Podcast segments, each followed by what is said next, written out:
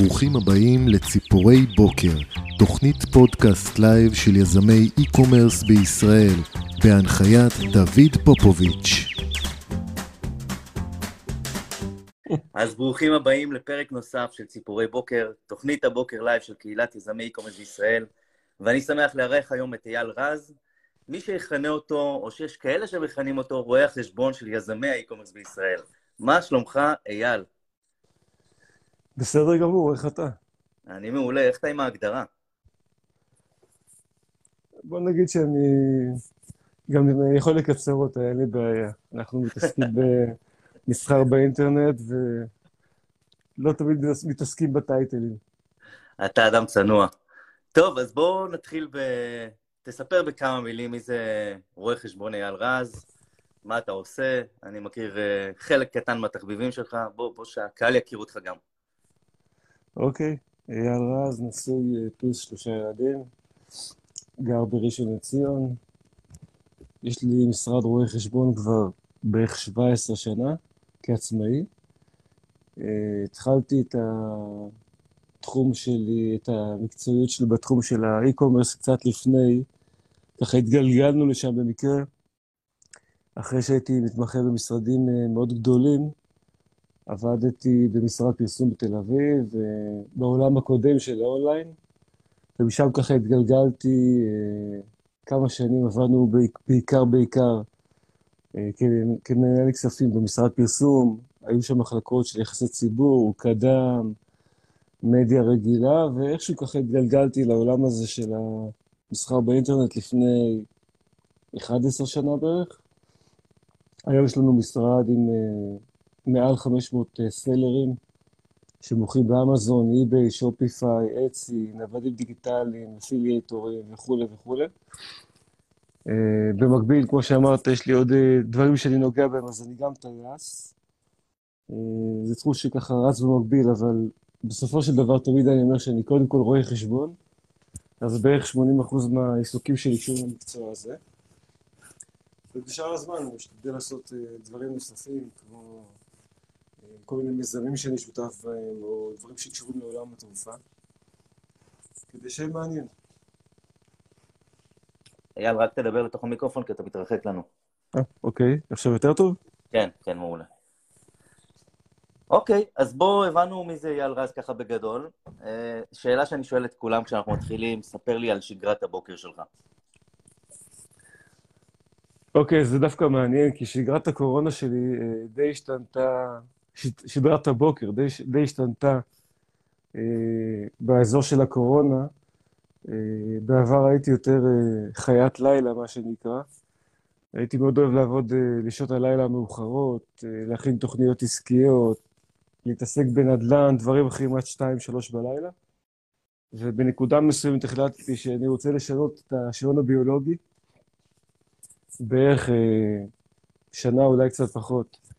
אני קם בחמש ועשרים בערך, חמש וחצי, נוסע לים, חמש דקות נסיעה, עושה הליכת ריצה, משהו כמו שעה, שעה ורבע, מגיע הביתה, ומתחיל בעצם את היום. שזה בעצם אומר פגישות, מאיפה אתה עובד, אתה, אתה מגיע למשרד, אתה, המשרד שלך בראשון, נכון? כן, המשרד שלי הוא די קרוב לבית. מה שאני עושה, יש לי אה, לו"ז מאוד מאוד מסודר, שרץ לפחות חודש קדימה בתבניות בתוך הקלנדר. יש לי פ"ע ברמה קבועה כל יום עם העוזרת שלי בשמונה ובשלוש וחצי בצהריים. יש לי אה, זמן קבוע ביומן לפגישות, לשיחות עם לקוחות פוטנציאליים, לטלפונים עם לקוחות, לזומים, לפגישות עבודה ספציפיות על אה, ביקורות או דוחות שנתיים. כלומר, המערכת היא מאוד מאוד מסודרת, ובעצם ככה הרבה יותר קל לנהל את הזמן בצורה הכי אפקטיבית. זאת אומרת שניהול הזמן צריך להיות אה, מתוכנן מראש וקבוע, ואז אפשר, ואז אפשר בעצם ל... לעבור לתחביבים שלך, שזאת השאלה הבאה, איך אתה מצליח להיות טייס במקביל להיותך רואה חשבון, מנהל משרד? איך זה עובד? קודם כל, אני לא... שאלה יפה. אני לא טייס באל על, כלומר, אני לא טס ללוס אנג'לס וחוזר אחרי חמישה ימים. אה, הטיסות שלי הן אה, בעיקר בסופי שבוע. יש לי מטוס פרטי, מטוס קל פרטי שאני טס איתו בדרך כלל פעם, פעמיים בשבוע. בנוסף, אני עושה טיסות מסחריות בממוצע פעם בשבוע. הטיסות הן בעיקר, בעיקר בשעות הבוקר המוקדמות, וזו אחת הסיבות גם כן ששיניתי את השעון הביולוגי. אני בדרך כלל פעם בשבוע קם בשלוש וחצי אה, ויוצא לטיסה. אנחנו עושים אה, הרבה הצנחות עבור הצבא. הצבא הפריט חלק גדול מהפעילות שלו החוצה, למטוסים אזרחיים. אנחנו עושים הצנחות באזור באר שבע, בשדה תימן, אה, מטוסים של בערך 20 איש, עם סיירות מובחרות בדרך כלל. וגם ביום כזה, אני כבר בשמונה וחצי, תשע יכול להיות במשרד, אז זה ממש לא משפיע על הפעילות שלי. הבנתי. תראה, אני הכנתי לנו, אני לא עושה את זה בדרך כלל, כי אתה יודע, זה, תמיד אני מארח יזמים כמוני, והשיחה קולחת, ואנחנו נכנסים לתוך פאנלים, וכל מיני דברים מאוד מאוד מעניינים ומרתקים בצד שלנו, של הטכני. ואני כזה חשבתי לעצמי, מה אנשים ירצו לשמוע מאייל על אה, נושא ראיית חשבון ונושא של פיננסי ומיסים וכל הדברים, הצד הפיננסי והכספי של ה e-commerce, אז אנחנו נשלב שאלות הבאות, הן מאוד מעניינות, ואנחנו נשלב בקצת להכיר את אייל בפן היזמי שלו, וקצת טיפים שאייל ייתן לנו על אה, איך אנחנו צריכים לנהל את העסק e-commerce שלנו בצורה נכונה. אז בואו נתחיל עם שאלה מאוד מאוד מעניינת ויזמית. איך ידעת להיכנס לנישת האי-קומרס לפני, לא יודע, 6-7 שנים מתי שנכנסת לשם? כאילו, מה גרם לך להבין שזה הולך להיות הדבר החם הבא, ולהכניס את עצמך לבפנים כל כך מוקדם, ולייצר את הקהל לקוחות הראשון? אז יודע מה, אני קודם כל, אני אפתיע אותך אולי בתשובה, אבל זה די מקביל אה, לחבר'ה שעושים e-commerce, בעיקר בשופיפיי אפשר להגיד. אני יכול להגיד לך, אני אפתח סוגריים ואחזור לשאלה. יש לי כמה לקוחות, בערך 40 לקוחות במשרד שמרוויחים מעל 100 אלף שקל בחודש, לפני מס. ואולי זה יפתיע אותך, אולי לא, אבל חלק לא קטן מהם טוענים שזה הרבה מזל. זה עבודה קשה, אבל זה גם הרבה מזל. אז אני, למזלי, לפני 16-17 שנה, עזבתי את המשרדי רואי חשבון הגדולים שעבדתי בהם, עשיתי ביקורת לחברות מאוד גדולות, ועברתי לעבוד במשרד פרסום בתל אביב, ופתאום נחשפתי לעולם אחר לגמרי, המנטליות, התרבות, במשרדי פרסום מול משרד רואי חשבון, אתה יכול להבין שזה לא בדיוק אותו דבר. מאנשים כאלה מחוייתים, שבאים ככה ועובדים בצורה מסודרת עם הלפטופ, פתאום אתה נתקל באנשים שהולכים יחפים במסדרון ובאים עם כלב לעבודה, יותר דומה לעולמות של ההייטק, של הסטארט-אפים. אבל נחשפתי להמון דברים מאוד מעניינים, לעולם השיווק, מכירות, אסטרטגיה. אה, ישבתי במצגות לבנקים, ובעצם ראיתי עולם די שונה שרואה חשבון פחות מכיר, ו- וזה גם פותח את הראש ברמה השיווקית. אבל, ו... אבל בטח היית שם, היית בתפקיד של רואה חשבון, לא? כן, הייתי רואה חשבון, אבל אה, מאוד עניין אותי כן, אה, סתם בשביל העניין, אני בסוף, אני חושב שכדי להיות רואה חשבון של עסק מסוים, אם אתה רוצה להיות משהו מעבר לסטנדרט או לבדל את עצמך, אתה צריך להבין את הביזנס. כלומר, ברגע שאתה מבין את הביזנס מלמטה, את המודל העסקי שלו, אז כל התהליך של ההתנהלות החשבונאית, פיננסית, מיסויית, הוא יותר פשוט. ולכן, אה, גם כדי להבין את המבנה הארגוני יותר טוב, ולא סתם לעשות הנהלת חשבונות או דוחות שנתיים, הייתי נכנס לישיבות קריאיטיב. הייתי יושב עם הקופרייטר, מבין איך הוא עובד, את תהליכי העבודה, איך הם חושבים על כל הרעיונות שלהם, איפה זה מגיע, איך כל התהליכים במשרד פרסום עובדים, תנאי התקציבאות, עוזר תקציבאי, קופרייטר, ביצועיסט, planner וכולי וכולי. ואתה מתחיל להבין איך כל התהליך הזה עובד, ולאן הולך עולם הפרסום ועולם השיווק, אז היה קטע של אה, double בידיעות אחרונות ביום שישי, אתה יודע, בשבעה ימים את העמודים המרכזיים. הייתה תחרות בין המשרדי פרסום מי קונה את השני העמודים האלה, וזה עלה בערך 170 אלף שקל, מספרים שהיום לא קיימים. ויום אחד בא אליי בחור, אה, זה היה ב-2009 לדעתי, ואמר לי, תקשיב, אני עושה dropshipping. ולא היה לי מושג על מה הוא מדבר. כלום. ושאלתי אותו מה זה. זה נשמע כמו קללה בהתחלה, ואז הוא התחיל להסביר לי, אני קונה בסין מוצרים, וחלק באמזון, ומוכר באי-ביי. אז אמרתי לו, אוקיי, תקרא לזה ארביטראז' בשפה שלי, וגם בעולם שוק ההון. והתחלתי לנתח ולהבין מה הוא עושה, וזה נשמע לי מאוד מעניין. חיפשתי קצת חומרים מקצועיים על זה. כמובן שמס הכנסה, אפשר להגיד כמעט עד היום לא ממש יודע מה זה. לא היו חוזרים מקצועיים, לא היו הנחיות, לא היו הוראות ניהול ספרים. אבל מהשיחות עם הבחור, שהיה מאוד מעניין, הוא היה קופירייטר, הבנתי שיש פה איזה משהו שכדאי להשקיע בו. בטח אחרי כמה שנים בעולם הפרסום והשיווק. והתחלתי לעבוד איתו, פשוט התחלתי, אמרתי, אוקיי, בוא נחשב מה עושים, איך ננהל ספרים? איך עושים הנהלת חשבונות לעסק הזה? אז התחלנו לעבוד ביחד, ואז הוא פתאום הביא לי עוד חבר, ועוד חבר, ועוד חבר, וככה היו שנתיים שפתאום נהיו לי 20-30 חבר'ה כאלה. וההימור היה די נכון, כי ב-2014 בערך הכל התפוצץ. שמע, זה היה מטורף. אם היו לי ארבעה לקוחות בשנה, נהיו לי 20 חדשים בחודש. אין, בלי להשתחצן, אין משרד רואי חשבון שצמח, ואולי אפילו צומח, כמו שהמשרד שלי צמח בתקופה הזאת ועד היום. וזה עדיין עובד ככה. אז, אז אתה מרים לי לשאלה הבאה, מה הפך אותך להיות כזאת אוטוריטה בתחום שלך? מה אתה יכול, איך אתה יכול לתאר את הדרך להפך לאוטוריטה?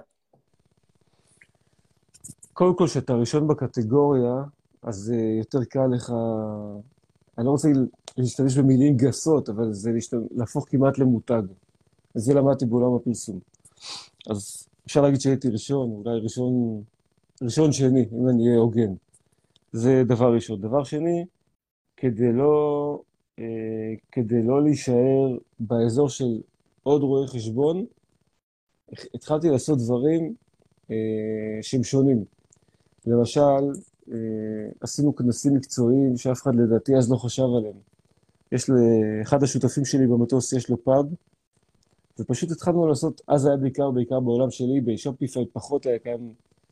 היו, היו בודדים ב-2014, בטח בישראל, ולקחתי את החמישה חבר'ה המובחרים בתקופה ההיא באי-ביי, אה, חלק אפילו הגיעו מחו"ל, ועשינו כנסים מקצועיים, והבאנו 150 ו-200 איש, e-commerce על הבר, וזה היה מטורף, היה לייבים בפייסבוק, ו... וגם מכרתי את זה ברמה של הפסד, כלומר לא התכוונתי להרוויח מזה כסף. למשל, סתם נניח העלות הייתה 70 שקל לבן אדם, כולל ארוחה ואלכוהול חופשי והכול, ומכרתי את זה ב-29.90, כדי לייצר את הטראפיק. ובסוף זה עבד, כי אה, לא מעט אנשים הגיעו אליי אפילו שנה אחרי הכנסים האלה. ואחד מספר לשני, שמספר לשלישי, שמספר לרביעי, וזה רץ בפייסבוק ובשידורים חיים, ואנשים אחרי זה שואלים שאלות, וזוכרים אותי ונתקלים בי.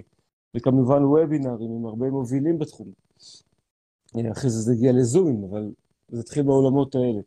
והרבה מאמרים מקצועיים, הרבה תוכן, הרבה ערך. אה, גם ללקוחות שלי באופן שוטף. למשל, אחד הדברים שאני לא מוכן לעשות, זה לעבוד עם לקוח במודל של דוח שנתי. לא מוכן. גם אם הוא יבוא ויתחנן אליי, אני מדבר על e-commerce. אה, לא מוכן לעבוד במודל הזה, כי העולם הזה של האי-קומרס הוא כל כך מורכב וכל כך דינמי, וכל הזמן יש שינויים, גם בשופיפיי וגם באמזון וגם באי-ביי. ואתה צריך כל הזמן להיות עם היד על הדופק. ולכן לכל הלקוחות שלי במשרד, אנחנו מדברים על מאות לקוחות סלרים, אנחנו מכינים דוחות שנתיים במרכאות, לפחות שלוש פעמים בשנה.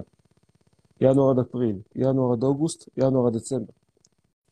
וזה גם כדי לתת להם תוצאות יותר מדויקות בשוטף. גם כדי להתאים את התשלומים של המס, מס הכנסה, ביטוח לאומי וכולי, ושיבינו מה קורה בעסק. זה לא עסק פשוט. אה, באמזון יש לך אפילו מלאי בדרך כלל במודל FBA. אז אה, תשמע, אני יכול להגיד לך שרוב האנשים, לא בעולם של e-commerce בכלל, לא ממש יודעים כמה הם מרוויחים באופן שוטף. זאת אחת הבעיות.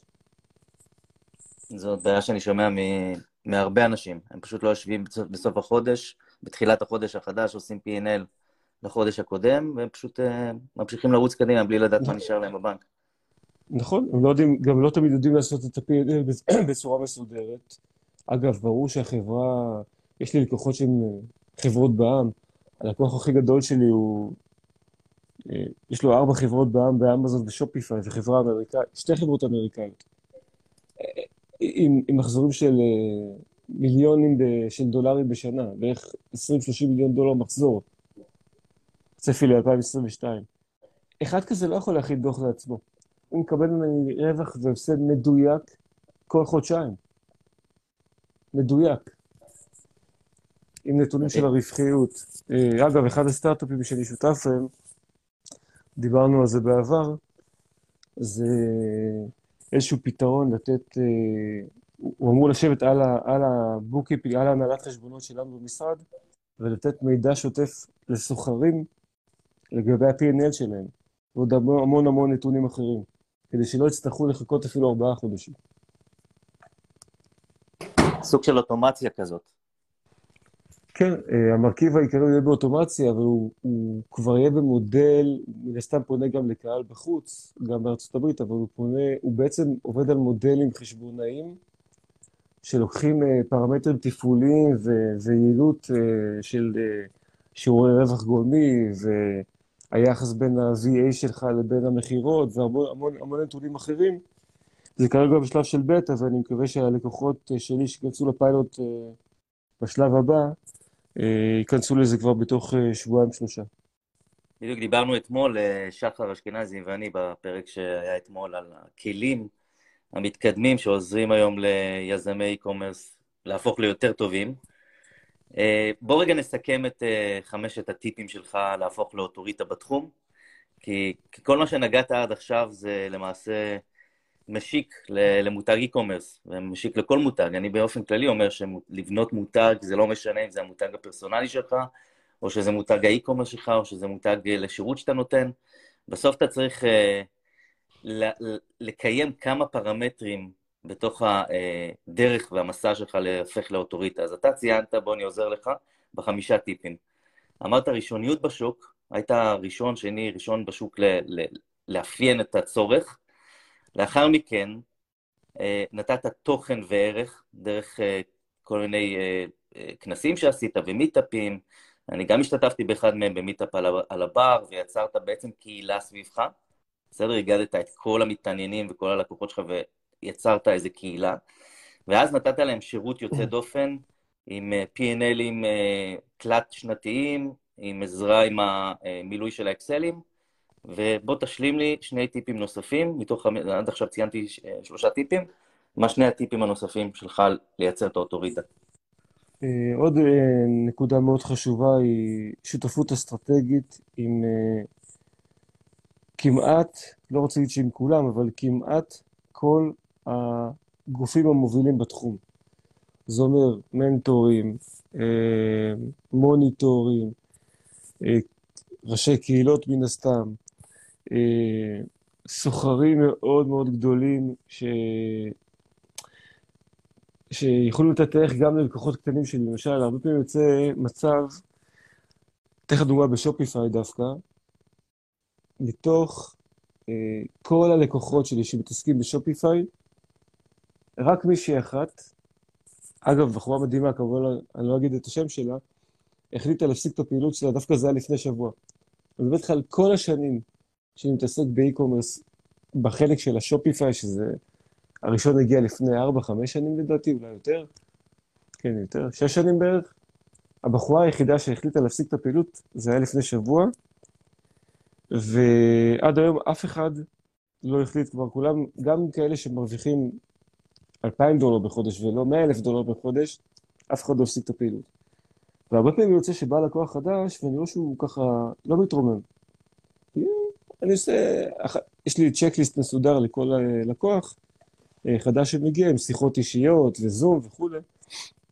ואני עושה שיחה מדי פעם עם מישהו שאני רואה שהוא לא מתרומם, ואם הוא נניח אומר לי, תשמע, יש לי בעיה בפייסבוק, או במוצר, או במשהו אחר, שוב, אני לא, לא מומחה בזה כי אני לא מוכר בעצמי, אז אני מנסה להיעזר באחד התותחים שיש לי במשרד. קרה גם כמה פעמים שהם הסכימו אפילו לעשות שיחת טלפון, שזה הרבה יותר מורכב, כי רוב הלקוחות שלי שמרוויחים המון, לא נמצאים יותר מדי בקבוצות בפייסבוק ובאזורים האלה, והם לא אוהבים להיחשף. אבל קרו אפילו מקרים שיש לי אפילו לקוח אה, חבר ספציפי שאתה מכיר אותו, שהוא... בוא נגיד שבמקרה חירום נעזרתי גם בו לנסות אה, לפתור בעיות ללקוחות שלי, כמובן ללא תשלום בכלל. לא אליי ולא אל הבחור הזה. ועוד דבר נוסף, אם אתה שואל מה, מה גרם לדבר הזה להתרומם... כרגע, כרגע יש לי ארבעה, אני רשמתי הרביעי, שותפות אסטרטגית כן. כוללת בתחום, ושותפים, מה החמישי? החמישי לדעתי זה בסוף אפשר לסכם את כל הדבר הזה במילה אחת שנקראת ניהול. אה, אחד השותפים שעבדתי בהם במשרד רואי חשבון אמר לי פעם, בסוף אתה קודם כל מנהל עסק, אתה לא רק רואה חשבון. וזה מאוד מאוד נכון. וכשאתה מנהל את כל התהליכי העבודה בצורה נכונה, למשל יש לנו אפליקציה של אה, ניהול משימות במשרד, ויש לי, אה, אני לא, אני לא איש של... אה, יש כאלה אנשים שיש להם לכל דבר נוהל מסודר, ואיך זזים מצד ימין לצד שמאל. אני מאמין בעיקר במאקרו. לא להתעסק ב... ב... אני ב-99 אחוז. אחוז אחד פחות מעניין אותי. אתה לא יכול להתקדם כרואה חשבון או כבעל עסק אם תתעסק בכל uh, שטות שלא מעניינת אף אחד. לפעמים אתה צריך לדעת לעבור הלאה, לקבל החלטות. בראיית חשבון קוראים לזה מבחן המהותיות. הוא אחד הדברים הכי חשובים שלומדים בשנה א'. מבחן המהותיות, אתה לא יכול לעשות ביקורת, למשל כשעשיתי ביקורת לארקיע או לדלק במשרד הגדול, אתה לא יכול להתעסק בהוצאה של עשרה שקלים שלא מסתדרת לך, זה לא עובד. אתה חייב להתקדם הלאה. ויש לי תהליכים, אה, בכל התהליכים הקריטיים במשרד, מתיאום פגישה מול לקוח, או פולו-אפ ללקוח פוטנציאלי, או אה, ביצוע ביקורת לדוח שנתי. כלומר, יש לי בערך 15-16 תהליכים, או פתיחת תיק ללקוח. יש לי צ'קליסט מאוד מסודר וברור, שאתה עושה אה, וי בכל שלב, ולא אני העוזרת שלי, ואתה יודע שבעצם הסיכוי שתפספס משהו הוא מאוד מאוד נמוך. אז אנחנו... רשמתי, ניהול, ניהול, ניהול... נסכם את זה, יש לי עוד מיליון שאלות, ניהול אוקיי. וסיסטם. נכון? לגמרי. יאללה. ואני משקיע בזה המון, המון, המון ברמה היומית, אפשר להגיד. אוקיי, אז נתת פה, נתת פה יופי של חמישה טיפים איך להפוך לאוטוריטה, ואני אשאל אותך, יש לנו עוד שתי שאלות ככה בפן הזה, ואז נדבר קצת על אה, נושאים כואבים ליזמים בנושאי סליקה, רשויות מס, נגיע עוד שתי שאלות לזה, אבל לפני זה, אני רוצה להבין למה כל אחד ששואל בקבוצה אה, מי מכיר רואה חשבון טוב באי-קומרס, מתחתיו יש מלא מלא תגובות של אה, אייל רז. איך גרמת לאנשים לכתוב עליך ביקורות טובות ככה? ממש בשתי משפטים. בשתי מילים אני יכול להגיד לך, יתרון הגודל. פשוט. אוקיי, תסביר.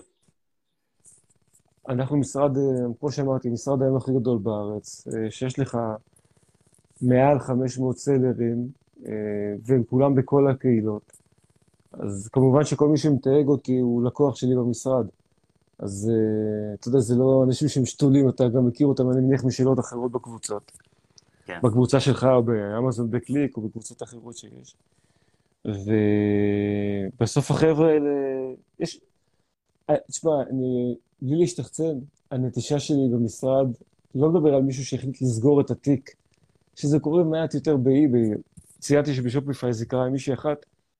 הנטישה שלי, כלומר, מעבר לרואה חשבון אחר, אה, היא, היא שואפת לאפס. כלומר, בשנתיים האחרונות עבר רק מישהו אחד לרואת חשבון אחרת, לא בגלל שהוא לא היה מרוצה, אלא בגלל שהוא הפסיק e-commerce בפעילות של eBay.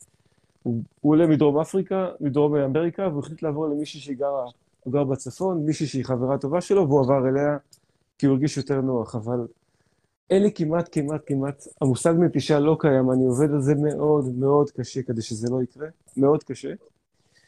אה, כולל נוהל, אפרופו הנהלים שדיברתי עליהם מקודם, אם לקוח החליט לעזוב, או לסגור את התיק לגמרי, יש לי צ'קליסט, שאחד הדברים זה לדבר איתו פעמיים, להבין, גם אם הוא סגר את התיק, לא קשור אליי, להבין מה אני יכול לשפר. יש לי גוגל פורמס כזה, כמו ש...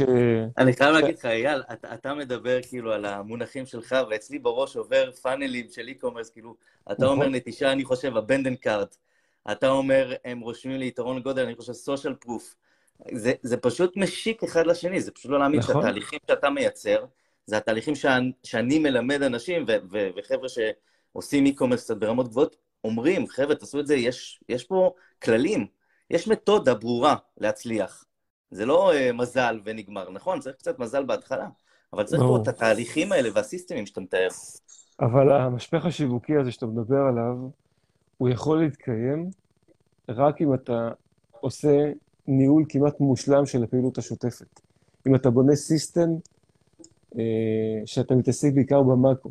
אני, אם שואל, לפעמים שואלים אותי, רגע, מי מקליד את החומר של לקוח שעושה שופיפיי? ברור שאני לא מקליד אותו בעצמי. יש לי צוות של עוזרת אישית וחמש בנות במשרד. הם מנהלים את כל הדבר הזה, אבל יש לנו תהליך מאוד ברור. מצד שני, בנקודות קיצון, רק אני עושה את זה. דוחות שנתיים, דוחות תקופתיים, הכל עובר במסננת שלי. אבל זה יכול לעבוד בצורה הזו אם אתה בונה תהליכים נכונים, תהליכים קריטיים נכונים לכל פעילות. אין דבר כזה שלקוח מגיע והוא נשפך ישר לאחת הבנות. הוא עובר דרכי, הוא עושה איתי זום, אני מגדיר את הפעילות שלו. רק אני עושה את השיחות האלה, רק אני עושה את הסיכום פגישה, אני מוודא איתו בדיוק מה הוא עושה. אם הוא מוכר בארץ, אם תרצה ניגע בזה בהמשך, אם הוא לא בוחר בארץ, והמון דברים אחרים. ואז בעצם כשאתה בונה נכון את ה... את ה אתה מבין נכון את הביזנס, כמו שאמרתי מקודם על התקופה במשרד פרסום, אתה יכול לנהל את הדבר הזה הרבה יותר נכון, אתה לא, אתה לא פתאום מופתע שהוא קונה גם בוולמארט. כלומר, כן. אתה יודע את הכל מראש. ואז אתה בנוי לכל הפאנלים, לכל הוובינארים, לכל הכנסים וכולי, וטיסות וכולי וכולי. לגמרי. אמ, דיברת מקודם על בחורה שנטשה את התחום. אז אפשר להגיד שהיה לה קצת מאתגר, נכון? אני רוצה להבין ממך, כי אתה רואה כל כך הרבה יזמי קומרס וכל כך הרבה בעלי עסקים, אתה בטח מצליח לזהות את התבניות שגורמות לאחד להצליח ולשני להתמודד עם אתגרים. מה חסר להם? חסר להם את הסיסטם שדיברת עליו, חסר להם את הראשוניות, את השירות, את השותפות האסטרטגית, זה חסר להם, ולכן אתה רואה את זה? או שאתה מזהה עוד דברים? אני יכול לך, תמיד אני אומר שיש לי מדגם מייצג, כי יש לי מעל 500 איש במשרד. אני יכול להגיד לך שאני מאוד מתחבר גם למה ש... הפודקאסט של אתמול, שהיה מדהים לדעתי, שמעתי את כולו בהליכת בוקר, אה, הוא כל כך נכון. אנשים חושבים שאי-קומרס זה כזה חצי שעה ביום ואתה עושה מיליונים. זה ממש, ממש לא. וגם הפוסט, אני לא זוכר, היה בחור בשם עדי לדעתי. אה, נכון, כן, שכתב כל... עדי גונן, כתב אתמול. אה, אחד, אחד לאחד. אין פה אה, קיצור הדרך, אין פה... נכון שצריך מזל, אבל זה לא רק מזל. כל הלקוחות שלי שמרוויחים המון, עובדים מאוד מאוד קשה ברמה של 14 שעות ביום, 10 שעות ביום, אף אחד לא עובד שעה ביום, חוץ ממישהו אחד שעובד 3-4 שעות ביום באמזון, וזה כמעט נס. אה, הם עובדים, קודם כל, אם אני עושה חתך, 99% אה, מאלה שמצליחים הם מאוד צעירים. כלומר, לצערי, אה, מי שמעל 40, אני אגיד את זה בעדינות, כי אני גם בגילאים האלה, אבל בסוף מי שמעל גיל 40, הוא יותר מתקשה. זה לא אומר שאין לו סיכוי. יש לי בחור בן 60, שהוא כבר הפך לחברה בעם, הוא מרוויח 80 אלף לחודש, אמזון ושופיפיי, והנה עובדה שגם בגיל 60 אפשר להצליח, למרות שלכאורה אי-קומרס שייך לצעירים.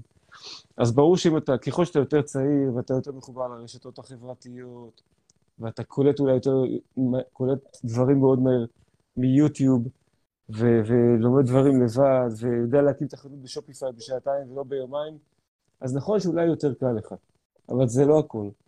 בסוף זה עבודה מאוד מאוד קשה. זה להגדיר תהליכים, זה ללמוד וללמוד וללמוד ולשאול ולא להתבייש ולחפש ולחפש, ואתה צריך המון סבלנות. אם אתה עושה שופיפיי, אז אני רואה את החבר'ה שעושים את הטסטים. יש, הבחור הכי, הבחור הכי תותח שלי במשרד עשה 50 טסטים עד שהוא הגיע למוצר שלו. הוא מרוויח היום קרוב למיליון דולר בחודש. בחודש, אחרי 50 טסטים. ילד בן 24-5. כמובן שלא אגיד מה המוצר שלו, אבל הוא הגיע אליי מרואה חשבון אחר עם רווח של 15,000 שקל, בתקופה שהוא החליט שהוא זיהה את המוצר ובנינו לו structure עם חברות אמריקאיות, נדבר על זה בהמשך אם תרצה, אה, אבל הוא אומר בעצמו, אני חצי שנה עשיתי טסטים ולא ויתרתי, ולא ויתרתי. במקביל למדתי, ונעזרתי במנטורים, ועשיתי קורסים, ווובינרים בפייסבוק, ומאסטרמיינדים, וכל מה שאתה רוצה. הוא החליט שהוא נכנס ל e-commerce והוא יצליח. והוא הצליח. זה ממש מעורר השראה, ותגיד לו שאני ממש אשמח אה, להעלות אותו לפודקאסט, לשידור. בדרך כלל לא- החבר'ה לא האלה, לצערי, הוא לא לצערי הם לא מבינים. עדיין את החשיבות של קרמה, אה, וזה בכלל משהו שמאוד מאפיין את החבר'ה הצעירים. ו- ועוד דבר, זה שאם באמת אתה בונה עסק שהוא לטווח ארוך, ואתה יודע, ייצרת לעצמך את המותג, וכבר עשית את הראשון, ואתה יודע, יש לך כבר את היציבות, אני לא רואה סיבה לא לחשוף. אה, לא לחשוף. אם, אם באמת אתה באמת לטווח ארוך, אז גם יהיה קשה להעתיק אותך. לא רואה סיבה לא לחשוף ולא לשתף. אה, אני מסכים איתך בגדול, בעיקר, אתה יודע, אני אולי פחות רוחני ממך, אבל אין ספק שההשראה היא מאוד מאוד חשובה, ופעם היה איזשהו מחקר של אה, מי הבן אדם הכי מאושר, אז לא דיברו לא על כסף ולא על אה, רולס רויס או משהו כזה, דיברו על זה שאחד המחקרים הראה שככל שאתה יותר עוזר לאנשים, אתה יותר מאושר. ואני מאוד מאמין בזה. למרות שאתה לא מרוויח מזה כסף בדרך כלל, אבל uh, הערך הזה שאתה, שאתה עוזר למישהו בראייה שלי, uh, נכון שאולי אולי זה פחות מתאים לבני 20, אולי יותר 40 וצפונה, אבל כשאתה עוזר למישהו, אתה מרגיש בראייה שלי הרבה יותר, זה עושה לך משהו. אני אני, רואה. מאוד מתחבר לזה, אני, אני באופן אישי זה עושה לי המון כשאני רואה נכון. אנשים ש... ו... אבל באי-קומרס אני יכול להגיד לך שאם אני מסתכל על הקבוצה של הנבחרת שלי, נקרא לזה, אלה שמרוויחים המון, אז אולי עשרה אחוז מהם תיתקל בהם בקבוצות, וגם הם כמעט לא יעלו פוסטים, אפילו לא יעשו לייקים, הם אה, חברים בקבוצות, אני יודע, אני מכיר אותם, אני איתם בקבוצות הסגורות של הוואטסאפ. נכון, אתה נכון. לא יודע כמה אני מנסה... רק אתמול במפגש מאסטרמן, יש לנו מפגש קבוצה סגורה כזאת של 25 יזמים, ושניים מהם, שאתה מכיר אותם, אה, הגיעו, באמת, שני, שני חבר'ה צעירים, תותחים, זה בדיוק מה שאתה מתאר, זה ה-22, 23, יש גם חבר'ה בני 18 שהם הם פשוט ברמה אחרת. אתה רואה אותה, אתה, רואה, אתה מסתכל על הילד בן 22, אתה אומר, אתה בגיל 40 אה, זה, זה אחד מהמיליונרים, אבל אז שים את הכסף בצד, וזה מה שאני מנסה להסביר להם. הצלחתי אתמול להביא שניים כאלה, מה, מהסגנון שאתה מתאר, והם באו, ישבו ב mastermind, נכון, קשה להם לשתף בקהילה של 18,000 איש, אבל אני מצליח להביא אותם למעגלים הקטנים האלה, ותקשיב, כמות הידע שהם שופכים שם זה, זה פשוט לא להאמין, הדברים שהם יודעים. זה ידע שהוא אינסופי, והוא ידע שהוא מתפתח, בגלל הדינמיות של האי-קומרס. אה, ומה שמצחיק זה, שהם פתאום נופל להם האסימון, אני, אני מדבר כבר הרבה זמן על בניית מותג, על בניית סיסטמים, מ-2016, ופתאום הם אתמול אומרים, האותנטיות, וצריך להיות אותנטי, וצריך לקחת את התוכן מה, מהגולשים, וזה מה שבפייסבוק פתאום מדברים בשפה אחרת, וגם החבר'ה האלה, אתה רואה אותם איך הם התבגרו במהלך השנתיים האחרונות, ומדרופשיפרים של לחפש את ה winner הבא מ AliExpress, הם פשוט הצליחו לייצר uh, עסקים. אז אני, אני ממש עוקב אחרי ההתפתחות שלהם, וזה מרתק. טוב, בוא נשאל אותך. אה, בוא נתחיל לדבר על, על באמת אה, אחד מהנושאים הכאובים ליזמי commerce בארץ, וזה נושא הסליקה, ה-LLC, רשויות המס. שאלה הכי גדולה, אם אני עכשיו יזם e-commerce ישראלי ואני רוצה למכור לאמריקאים, האם PayPal יספיק לי, ואם לא, מה אני צריך לעשות? אוקיי, אז אני שוב די מסכים עם מה ששחר אמר אתמול. אה, כאשר מגיע אליי לקוח שעושה Shopify, והוא ישר אומר לי, תשמע, אני רוצה שתפתח לי חברה בעם, חברה אמריקאית, כי אני ארוויח מיליונים וכו', תעצור, תעצור. בוא נתחיל בפשוט. תיק עצמאי ברשות המיסים וסליקה ב PayPal. תראה שה, שהמוצר שלך הופך להיות winner, תראה שאתה מתרומם, תראה שבעצם, יכול שאני לא מדייק במונחים, אבל תראה שבסוף ההמרה שלך נפגעת בגלל שיש לך רק PayPal ולא סליקה באשראי. ברגע שאתה רואה שהמוצר הוא מוצר מנצח, ומה שמפריע לך לקפוץ זה שאין לך סליקה באשראי, נתחיל את התהליך של החברה האמריקאית. לא בגלל מה, שזה מאוד יקר. מה התהליך? מה השלב הבא בחברה האמריקאית בלפתוח את זה? כאילו, אתה יכול לתאר רגע את הסט תהליכים שאתה עושה? כן, אבל במשפט לפני זה לא בגלל שזה יקר, אלא יש פה איזושהי פרוצדורה שהיא בעיניי מיותרת. זה כמו, זה כמו שלא תתחיל עם חברה בעם, תתחיל עם תיק עצמאי, אוקיי? אה, אז התהליך שאנחנו עושים, אנחנו אה, בעצם מייצגים משרד רואי חשבון אמריקאי. אה, יש לנו שיתוף פעולה מאוד רחב, עם המון חברות אמריקאיות שאנחנו מנהלים אותן ביחד. ובנינו structure כזה, שבעצם אנחנו פותחים חברה אמריקאית, הכל מרחוק כמובן. את הכסף אפשר למשוך, קודם כל ברגע ש... אם אתה רוצה לסלוק ב Stripe, שזו הסליקה בגדול שכולם עובדים איתה בארצות הברית, אם אתה רוצה לסלוק ב Stripe, אתה צריך שיהיה לך EIN. EIN זה מספר tax, אה, מספר מס אה, אמריקאי של חברה. וברגע שאתה אה, פותח את החברה, לא משנה אם זה LLC או Inc לצורך העניין, הרוב רוצים LLC כי זה מעט יותר זול, אז ברגע שאתה פותח את ה-LLC אתה מקבל במקביל את ה... נקרא לזה חטפי, את ה-EIN. ואז במספר הזה אתה נרשם ועושה את כל הפעילות מול Stripe. ברגע שאתה מבצע את כל התהליך הזה, ואתה מממשק את זה לשופיפיי, אתה בעצם נותן פתרון של סליקה גם באשראי וגם בפייפל, דרך החברה האמריקאית. עכשיו, מה שעשינו, אגב, לפתוח חברה כזאת עולה סדר גודל של 450 דולר חד פעמי, כולל כתובת אמריקאית וה-EIN, ובעצם השלב הבא הוא בעצם להתחיל בתהליך של לקבל את הכסף דרך חברת הסליקה ישר לחברה האמריקאית, שבדרך כלל אה, אפשר לפתוח חשבון בנק אמריקאי פיזי. אה, אנחנו עובדים בדרך כלל עם בנק אוף אמריקה. לגבי חשבון בנק אפשר לטוס לשם ולפתוח חשבון ללא תשלום, ואפשר לשלם ישירות למשרד בניו יורק, והוא פותח את החשבון בנק, זה עולה סדר גודל של אלף דולר חד פעמי. אה, יש כאלה שמסתפקים ב Payoneer, ואז פשוט הכסף מ Stripe מגיע ל Payoneer, ומשם אה, מתגלגל לארץ. הנקודה הכי חשובה, כדי לסגור את המעגל הזה, היא להבין שהחברה הזאת היא חברה שהיא לסליקה בלבד. זה אומר, אי אפשר, אי אפשר בחברה הזו אה, לבצע פעילות עסקית, כלומר, פייסבוק או הספקים אה, אה, לא מכירים את החברה האמריקאית הזו. כולם עובדים מול העסק שלך בארץ. ואתה משלם לפייסבוק דרך הפייפל או כל אמצעי אחר שאתה רוצה, מהעסק הישראלי. החברה האמריקאית מקבלת כסף על המכירות ומעבירה את כולו לישראל. בעצם היא סוג של צינור בלבד לסליקה, ואז במודל הזה היא, אנחנו מגישים דוחות ועושים הנהלת חשבונות לחברה הזו, אבל במסלול מאוד פשוט שעולה 100 ומשהו דולר בחודש, זה הכל, ו... והחברה הזו לא משלמת מס, כי בעצם אין לה פעילות עסקית. היא רק מגלגלת את הכסף בתוכה ומעבירה אותו לארץ. אז החברה הישראלית אה, צריכה להוציא חשבונית בעצם לחברה האמריקאית, החברה האמריקאית מדווחת אפס, ובזה מסתיים... לא, החברה, העסק בארץ מוציא חשבוניות ללקוחות האמריקאים.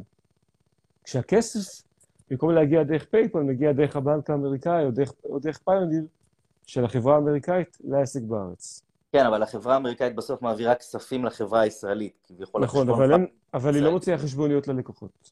לא, לא, ברור, ברור, ברור, ברור, כי הדיווח המיסוי שלך הוא בחברה הישראלית, אז אתה בעצם צריך להוכיח לרשויות המס את המכירות, את המכירות פה בארץ, אבל נכון. מבחינה מיסויית, החברה הישראלית צריכה להוציא כאילו קבלה לחברה האמריקאית על הכסף שעבר מארצות הברית כן. ל... אוקיי, מהחשבון לחשבון אה, הישראלי שבו בעצם מתבצעים הדיווחי מס. בדיוק. תשמע, אה, אני בתהליך הזה, אני בדיוק, זה ה process שלי מ-2016. אה, אני לא יודע איך הצלחתי להבין את זה אז לבד, בלי, בלי להתייעץ יותר מדי, לא היה אז את הידע הזה. וזה באמת ה process שאני עשיתי, שחיברתי את ה Payoneer ל Stripe, ומאז זה עובד ב-2016, וזה עובד מדהים. אז, אז זה בעצם התהליך. כאילו, מי שלא עד עכשיו ידע איך לעשות את זה, אני צריך לחתוך את הקטע הזה פה מתוך הפרק ולהנגיש את זה, כי באמת יש חוסר הבנה מאוד מאוד גדול אה, ב- ב- בתעשייה שלנו לגבי מה עושים. אוקיי, אז פתרת בעצם את הנושא של אה, Mm. LLC ושל רשויות המס. אה, מה, איזה עוד כאבים אתה מזהה ב- בעבודה של, של ישראלים מול שווקים בינלאומיים? הכאבים העיקריים לדעתי הם ה- אה, השינויים התכופים שיש בתוך העולם הזה. אה, אני יכול להגיד לך, נתחיל דווקא מאי-ביי לצורך העניין במשפט. אה, את אי-ביי מספידים מאז שאני, מאז שאני שם לדעתי. עשר שנים אני שומע כל שנה שזהו, שנה הבאה אין יותר דרופ, דרופשיפרים ב eBay, ועדיין אתה רואה שהפעילות שם צומחת וגדלה. נכון שעכשיו יש משבר מעט יותר גדול בגלל המעבר מ PayPal ל Payoneer. אני מזהה את זה ב... גם בכניסה של לקוחות חדשים, גם מעט בירידה ברווחיות, אבל אה, זה, זה מאוד, העולם הזה של ה e-commerce הוא יותר מורכב אה, בגלל השינויים האלה. למשל, באמזון יש בזמן האחרון המון בעיות עם החלק הביטוחי. בשופיפיי אתה רואה את השינויים בפייסבוק, האלגוריתם, המחירים, פתאום הפרסום יותר יקר. כלומר, כל, אתה כל, הז... אתה כל, כל תקופה מסוימת יוצא למלחמה חדשה. עכשיו, אתה יודע מה? בסוף זה נמצא בכל עסק. אני אני לא מכיר הרבה, אפילו לא נדל"ן, יש לי, אני עושה גם נדל"ן, יש לי שותפות אה, בעולם של הנדל"ן, בפרטי ומסחרים, אה, מגורים וכאלה. תמיד אמרו שנדל"ן זה פסיבי, ממש לא. גם בנדל"ן יש לך כל מיני עניינים. אז גם ב e-commerce יש את העניינים האחרים, הטכנולוגיים יותר, הרגולטוריים יותר, אבל אתה צריך לדעת להתמודד איתם, ובסוף אם אתה מסמן את היעד ואתה עובד בתהליך נכון, כלומר גם האסטרטגית, גם ברמה הטקטית, אתה תדע לעבור את זה. אה, ש- זה- וזה, זה וזה פחות- מוביל אותי לשאלה, עכשיו אני מקצר אותך תמיד, כי יש לי עוד ארבע שאלות ואני, וקצת זמן, ואני חייב, אוקיי. חייב שתענה לי על השאלות האלה. אה, מה המגמות והטרנדים, זה בדיוק אה, מתקשר לתשובה שלך, של לזהות בעצם אה, אסטרטגיות, לזהות מגמות. אז זה להכין את עצמך תמיד צעד אחד קדימה, כדי לא להגיע לשם ופתאום לא לדעת מה לעשות. מה המגמות והטרנדים שאתה מזהה קדימה? אם אני עכשיו יזם ואני צריך להסתכל שנה קדימה, שנתיים קדימה,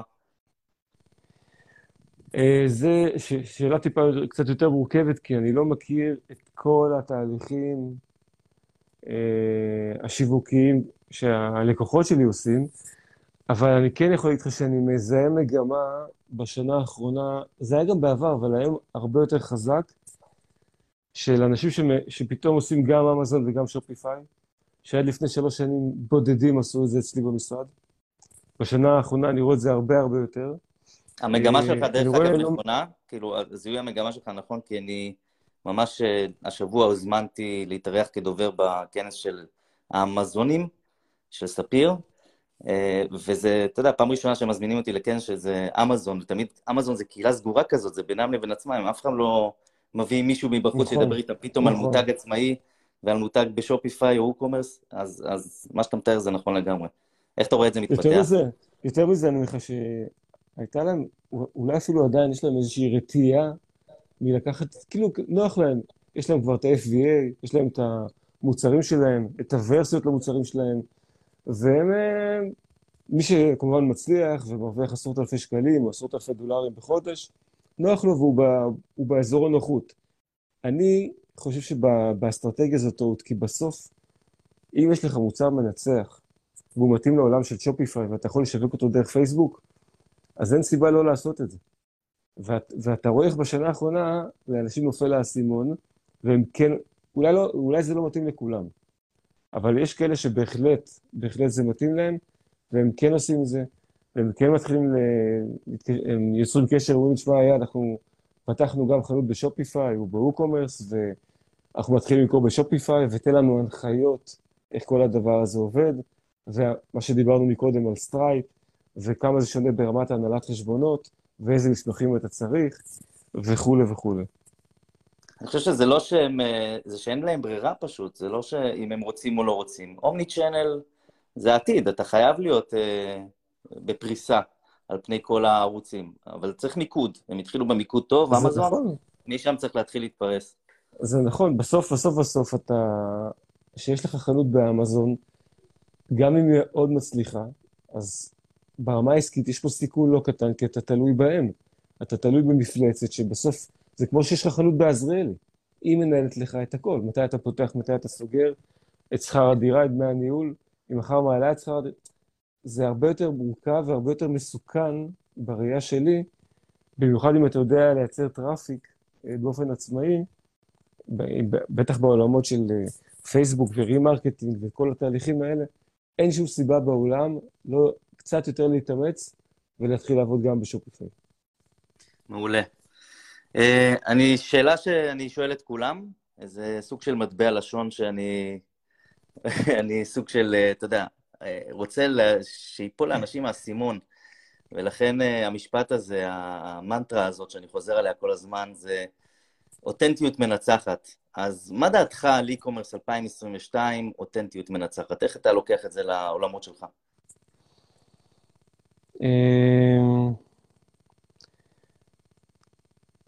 תשמע, אני חושב שה e-commerce אה, שמראש היה ב... אני מקווה שאני רוצה לחדד את התשובה שלי בהקשר לשאלה שלך דווקא, אבל בסוף ה e-commerce אה, הוא לא, הוא לא, אני, לא חושב שהוא מאוד השתנה בגלל הקורונה, אבל הוא כאילו עליו עבר מהילוך שני להילוך חמישי, והתפתחו פה המון הזדמנויות.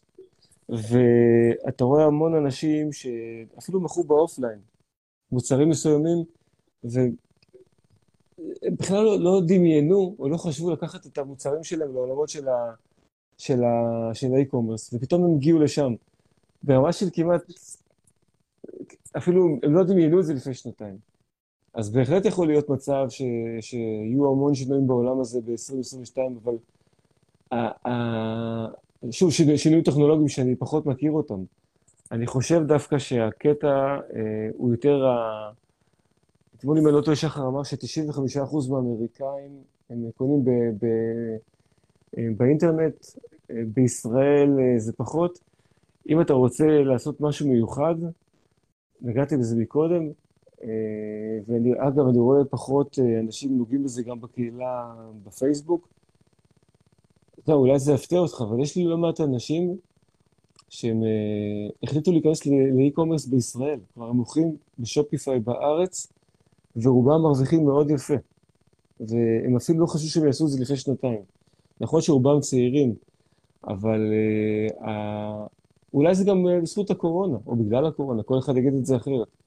אבל העולם של האי-קומרס ברמת המכירות בישראל uh, התפתח מדהים אצלי במשרד בשנתיים האחרונות.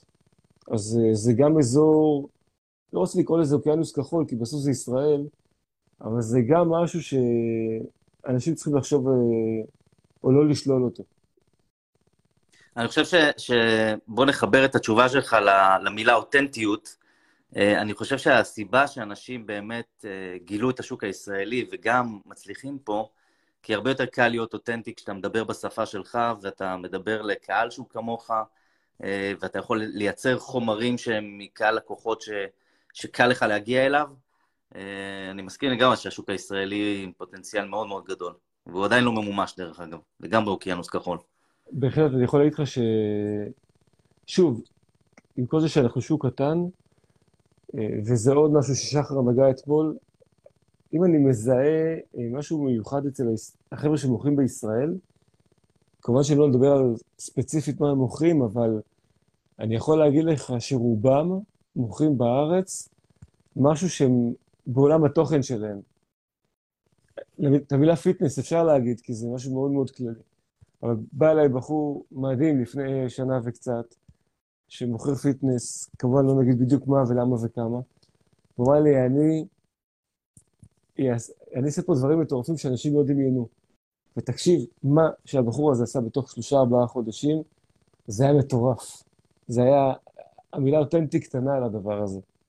ולא מעט כאלה אנשים שספר שנכנס לעולם של מוצרים בתחום וכולי, וזה פשוט התפתח מדהים. נכון שעדיין 90 ומשהו אחוז מהסוחרים בשופיפיי מוכרים בארצות הברית, אבל יש לי עשרה, חמישה עשר חבר'ה שמוכרים בארץ, וכמעט כולם עושים עבודה מדהימה. כן, אנחנו רואים אותם כי הם בעצם לקחו את כל התהליכים שהם בנו ופיתחו ואת כל הרעיונות מארצות הברית, ומכיוון שהשוק הישראלי מפגר אחרי השוק האמריקאי בלפחות שנה וחצי, שנתיים, אז מאוד קל לקחת את כל מה שעשית בארצות הברית וליישם אותו פה. אני גם עשיתי את זה עם אורטיז, עם מותג שהקמתי במהלך הקורונה, והרבה מהשיטות שם יושמו, וזה פשוט תופס. זה פשוט להסתכל מה, מה היה הטרנד לפני שנתיים בארצות הברית ולהביא אותו לארץ.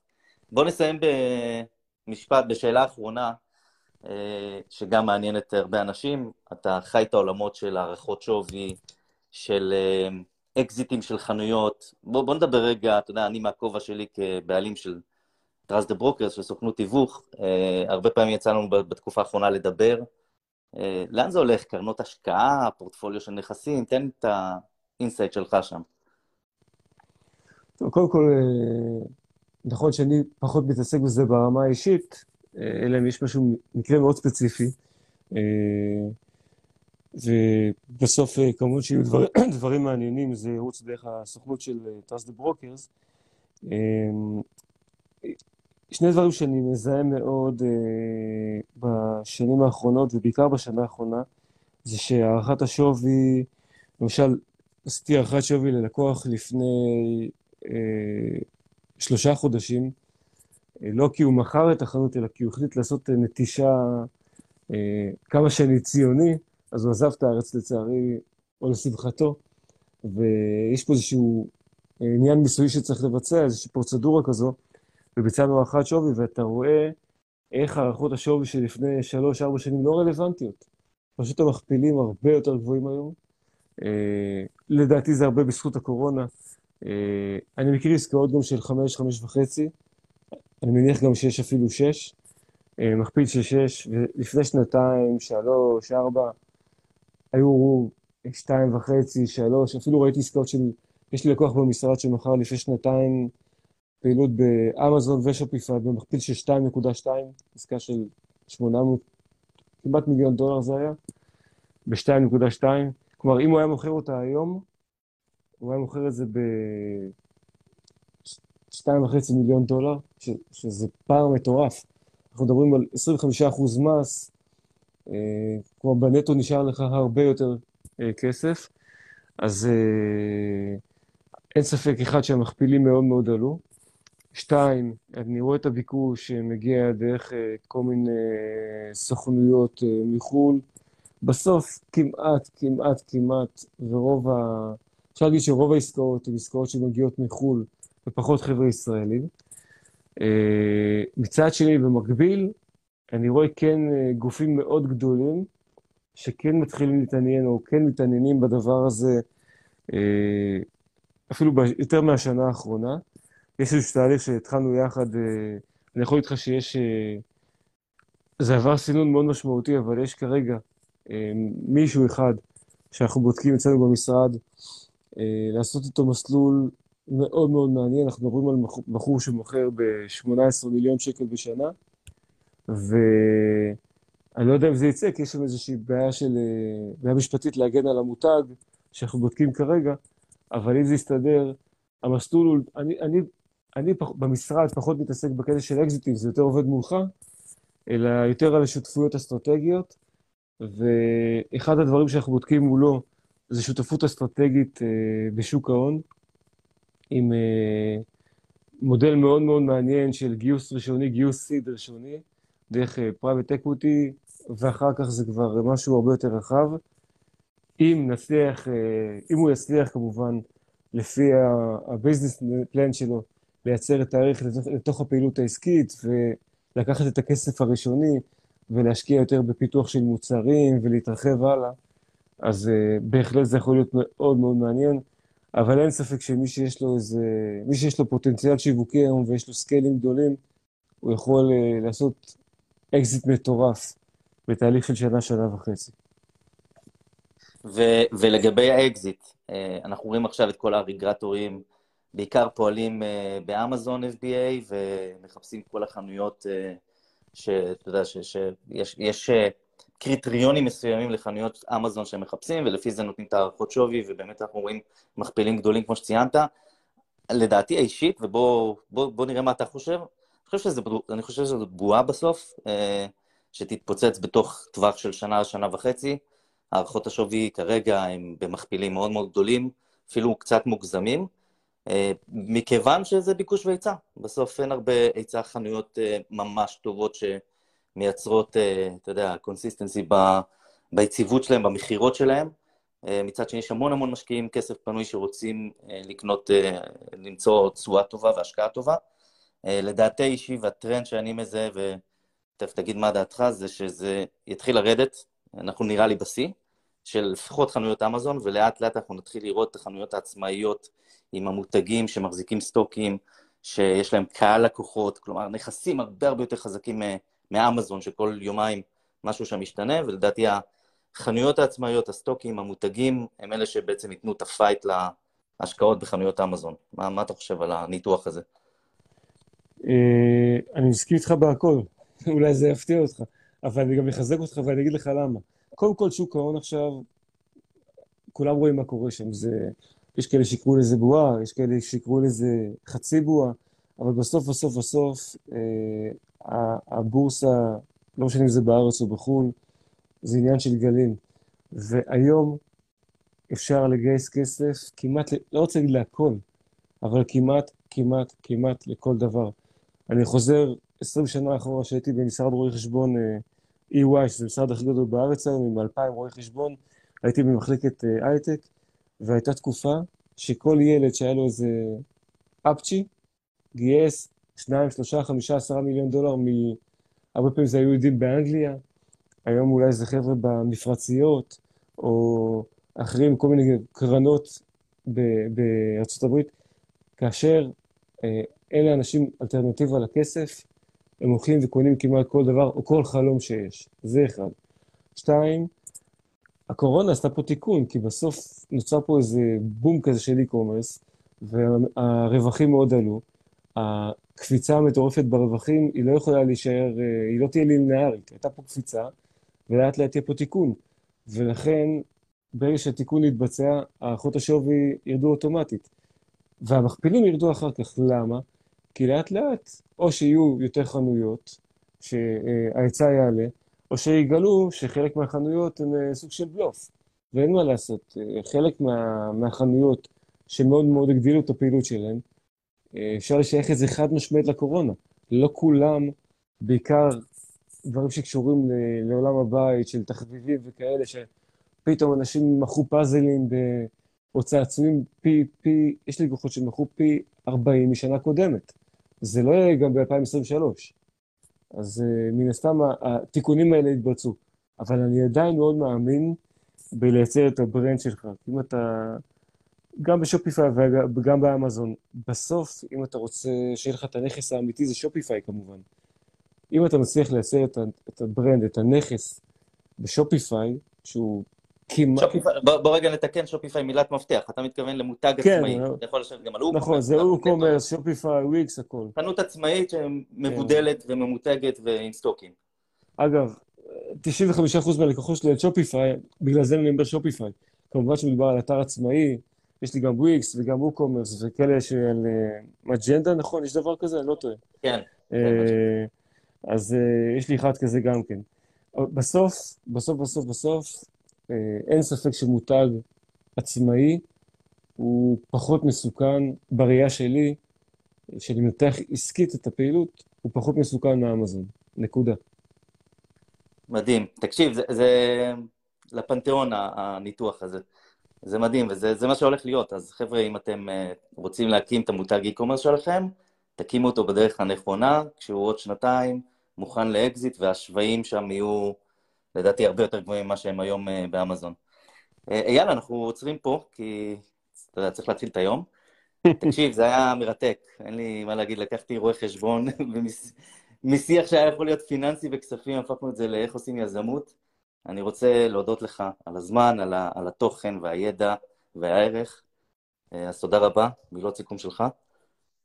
זה מתקשר למה שאמרת, מה שדיברנו הרבה על הפאנלים וכל הדברים האחרים. בסוף, אה, אני משתדל מאוד מאוד מאוד להיות רואה חשבון לא סטנדרטי. ואין ספק שהשנים בעולמות הפרסום מאוד עזרו לי, הפרסום, מדיה וכולי, ו- ואתה כל הזמן צריך לעבוד על זה, אתה לא יכול להישאר במקום, וזה מאוד רלוונטי גם בחנות e-commerce. השיטות הקיימות היום כנראה לא יהיו רלוונטיות בעוד שנה, אולי אפילו לפני זה. ואתה כל הזמן צריך להתחדש ולחדש וללמוד, בעיקר ללמוד. אז אנחנו למדנו פה המון ממך היום. Uh, תודה רבה, שיהיה יום טוב. בכיף. וניפגש בפרק הבא, מחר, uh, מחר יש לנו פרק מאוד מעניין עם עדי גונן, שהזכרנו אותו מקודם, והעלה את הפוסט אתמול בקהילה, שצבר ויראליות מאוד, uh, מאוד גדולה. לגמרי. אז תשארו, תתכוננו למחר, שש בבוקר, פרק מאוד מעניין עם עדי גונן. רואה חשבון אייל רז, המון תודה לך. באהבה. שיהיה יום טוב. בוקר טוב.